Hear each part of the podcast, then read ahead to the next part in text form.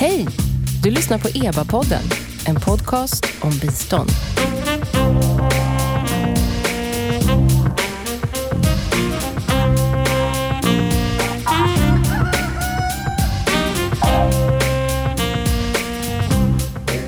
Välkomna till EBA-podden. Jag heter Willy Silberstein och vikarierar som programledare i den här och några kommande poddar från Expertgruppen för biståndsanalys, EBA. Det är en statlig kommitté som utvärderar och analyserar Sveriges internationella bistånd. Idag ska vi tala om demokratibistånd, alltså hjälp som ska förbättra demokratin i mottagarländer. För några månader sedan kom en rapport i ämnet. Den kan laddas ner från EBAs hemsida www.eba.se.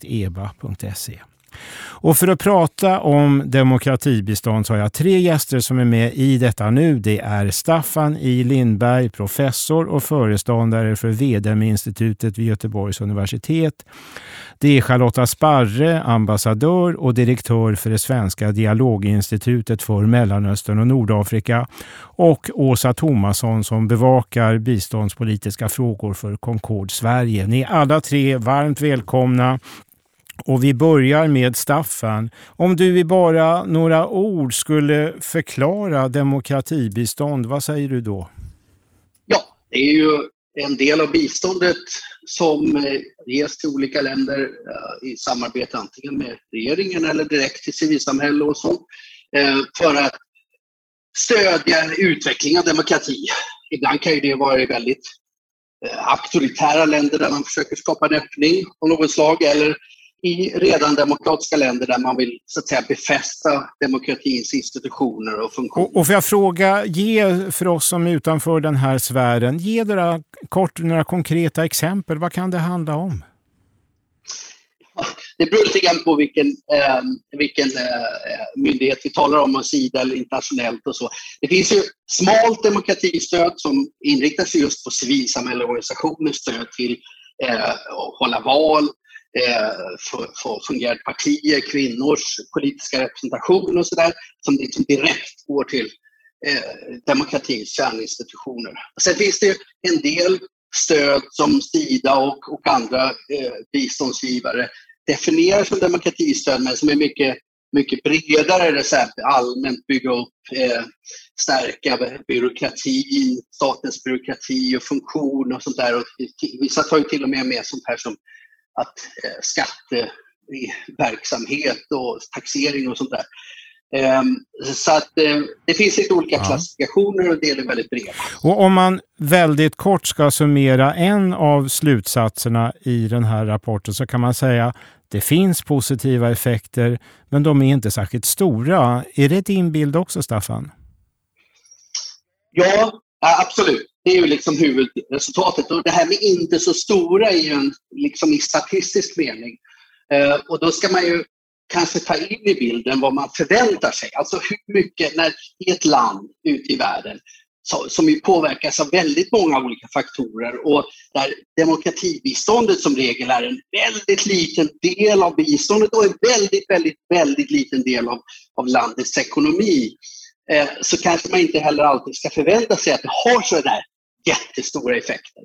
Men här är det viktigt att konstatera att när man gör det, och speciellt när man inriktar sig på de här liksom, direkta institutionerna, det smala demokratibiståndet som går direkt till demokratins kärna, så att säga, så har det en positiv effekt. Kan du säga varför inte framgångarna större?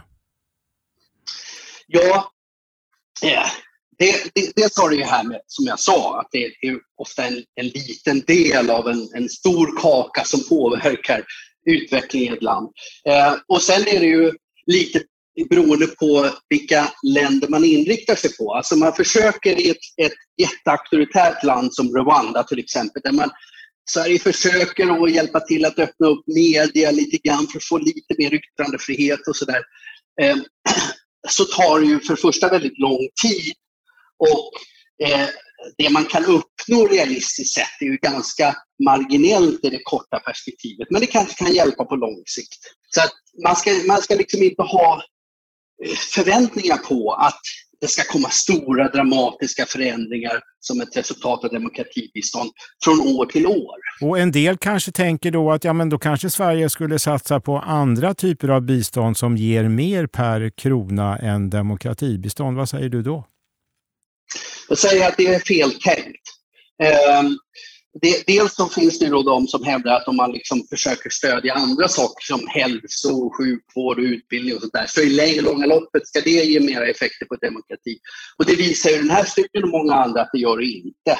Och dessutom är det så att om man försöker, eh, om man tar auktoritära länder och hjälper dem att bli bättre på byråkrati, alltså bygga upp statens kapacitet inom olika områden, så gör man ju den, den diktaturen starkare att vara diktatur mer effektiv. Mm.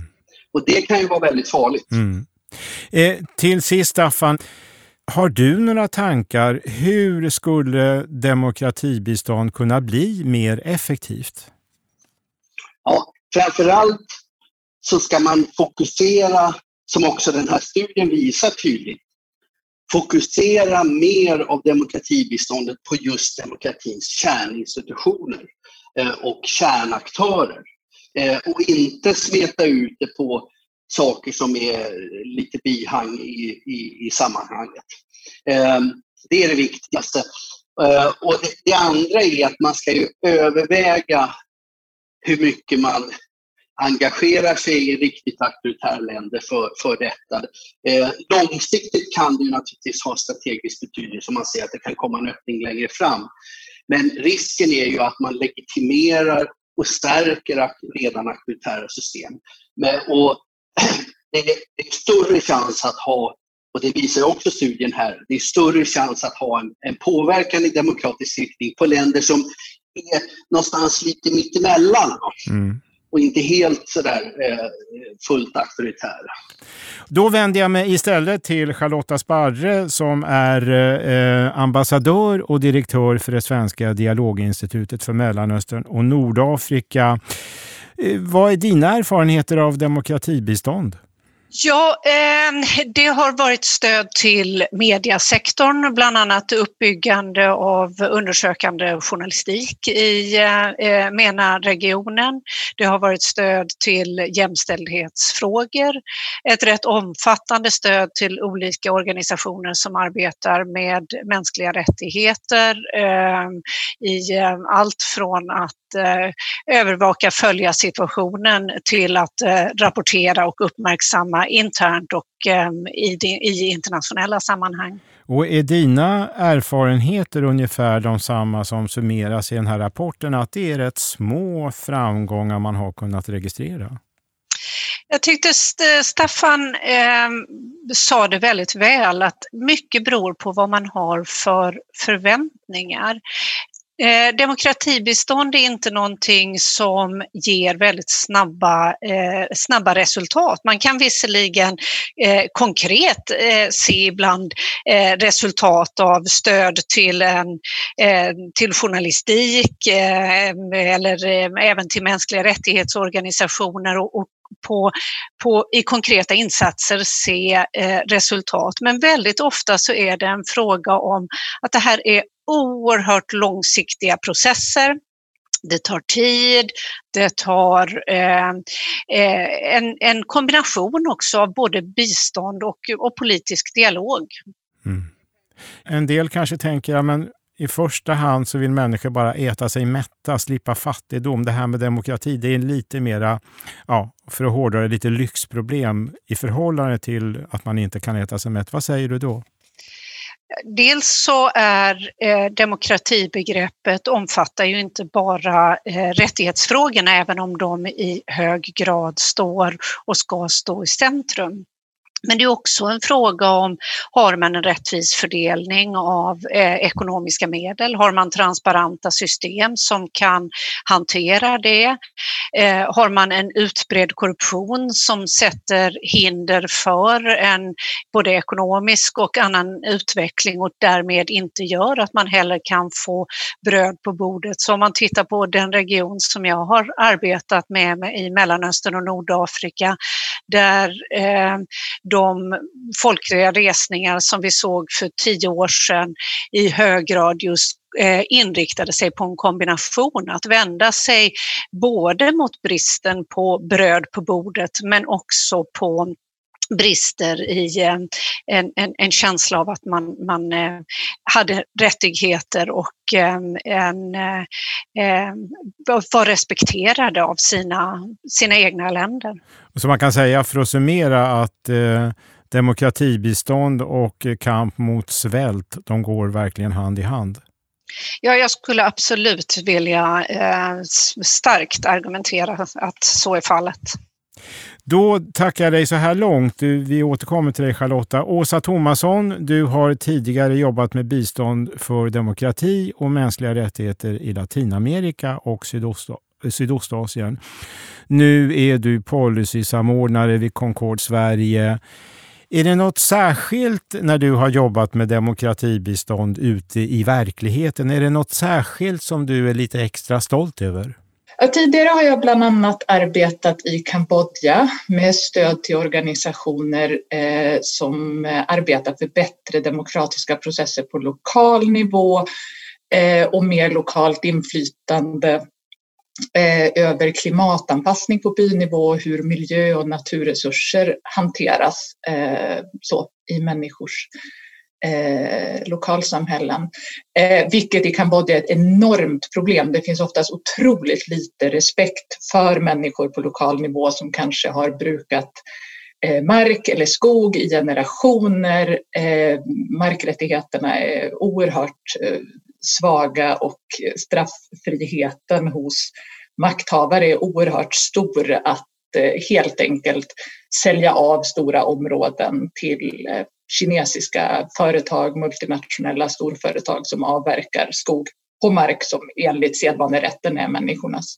Och kan du ge en bild då, vad hände när det här var framgångsrikt, det du beskriver? Vad skedde med människor som du såg? Ja, eh, det, det är ju nästan eh, det finaste som finns när människor som i många av dem i hela sitt liv har blivit behandlade som att de inte har en röst, som att det inte är självklart att de har något att säga till om i samhället.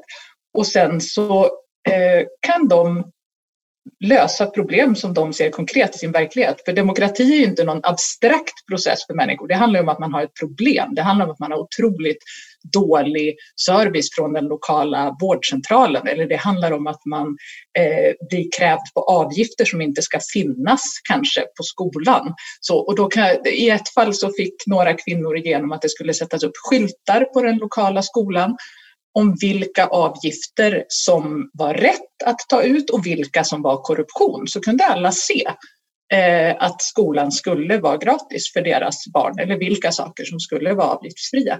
Det är ju ett konkret exempel, men det finns ju en massa andra. Och det låter på dig som att demokratibistånd är viktigt och det bör Sverige och andra länder satsa rejält på. Ja, och framför allt skulle jag säga att allt demokratibistånd är viktigt. Demokrati är ju både en, en, formfråga och handlar om institutioner och rättsstatens principer och sånt som ska finnas. Men det absolut viktigaste är att demokrati är folkstyre och du kan inte ta bort människorna ur den ekvationen. Det är liksom det mest grundläggande i demokrati. Så jag har sett många exempel på hur människor genom att organisera sig själva kan lösa konkreta problem på bynivå eller på nationell nivå. Eller i vissa fall till och med när jag har jobbat i Latinamerika hur eh, ursprungsfolk har dragit sin, sitt, Eh, sin stat eller multinationella företag inför rätta och fått rätt till skadestånd för att deras medbestämmande faktiskt inte har respekterats. Stort tack så här långt Åsa Tomasson. Nu tänkte jag att vi ska lyssna på Mikael Boström som jag talade med nyligen. Han är utlånad av Sida till EU som nationell expert i Zimbabwe. Och en av frågorna runt demokratibistånd som jag tog upp med honom det var att det inte alltid är oproblematiskt att ge bistånd till diktaturer. Om vi ska jobba med staten, då blir det ju genast ett, ett, en stat som, vi, som inte är vi kan betrakta som demokratisk, men ändå som har viljan att, att eh, ambitionen att demokratisera, då är det ju ett dilemma för då, då blir det ju obönhörligen så att vi ger ju resurser till, till den staten. Och även om de resurserna kan ja, vi kan se att de används på det sätt som vi har tänkt så innebär det ju samtidigt att andra resurser då kan användas till annat. Ja, Charlotta Sparre, är det ett dilemma att eh, ge bistånd till eh, diktaturer? Ja, visst är det ett dilemma. Jag tror att demokratibistånd kan eh, användas allra bäst om man om det är möjligt, om det är reforminriktade länder där man kan arbeta med bägge två. Men om det är repressiva eh, miljöer så kan det naturligtvis vara oerhört svårt och det kan legitimera en problematik, tortyr eller eh, bristande valprocesser eller eh, eh just eh, hälsovårdssektorn som bara fokuserar på, på vissa personer eh, eller där det är stor korruption som, som Åsa var inne, inne på. Eh, så att jag tror att det är, det, det är viktigt dels att vi kan ändå engagera i försök till en politisk dialog med eh, alla länder och alla regimer. Men att eh, kanske ibland fokusera allra mest på det civila samhället, på medieinstitutioner och på lokal nivå. Mm. Och Åsa, får jag fråga dig kort Eh, när du har varit ute och även varit verksam i eh, totalitära stater, har du ibland känt att det här är inte oproblematiskt, att jag riskerar att också kanske stärka en eh, diktatur? Jag skulle säga att om du arbetar i ett land där, där staten inte fungerar demokratiskt Eh, så, så är ju egentligen det enda sättet att skapa ett demokratiskt utrymme ändå, det är att försöka skapa processer. Och som Carlotta sa, oftast är det enklast på lokal nivå därför att det är mycket svårare att köra över människor som du måste se i ögonen. Eh, inte alltid, men ofta är det det. Men alltså du måste skapa demokratiska processer där eh, beslutsfattare faktiskt blir mer ansvariga. Mm. Jag tänkte vi ska lyssna på ytterligare en tanke från Mikael Boström i Zimbabwe och det handlar om långsiktighet i demokratibistånd. Demokratiprocesser är ju lång, långa processer så att eh, en parlamentsinsats måste vi hålla på med i 10-15 år för att det ska ge några... Vi, vi, ska, vi kan inte inbilla oss att det ska ge resultat bara på ett eller två år. Men det, där har vi ett annat dilemma då att från politiskt håll vill man ju se snabba resultat. Och nu vänder jag mig först till Åsa den här gången och nu måste jag vara lite sträng. Så två meningar får du, får du till ditt förfogande. Tror du att stater är så långsiktiga som tio år? Jag tror att man måste kunna hålla i och jag tror att de flesta av våra medlemmar arbetar så att man vill ha långsiktiga partnerskap för det är det som har visat sig funka. Och Charlotta, med samma stränga eh, direktiv från mig som programledare, är du ibland orolig att långsiktigheten inte är tillräcklig i demokratibestånd? Jag tror som Staffan var inne på i början, det är mycket en fråga om, om förväntningar. Men det här tar, tar tid. Jag tror dock att Sverige faktiskt är väldigt, väldigt duktigt där på både att ha långsiktighet och att ha flexibla stöd som stödjer både organisationer och processer över lång tid. Och där säger vi tack till Staffan Lindberg, Charlotta Sparre och Åsa Thomasson. Och ni som vill läsa rapporten om demokratibistånd kan gå in på www.eba.se. Och där kan ni också botanisera i mer än 100 andra EBA-studier. Och så hoppas vi att ni fortsätter att lyssna på vår EBA-podd. Tack för idag säger jag som heter Willy Silberstein.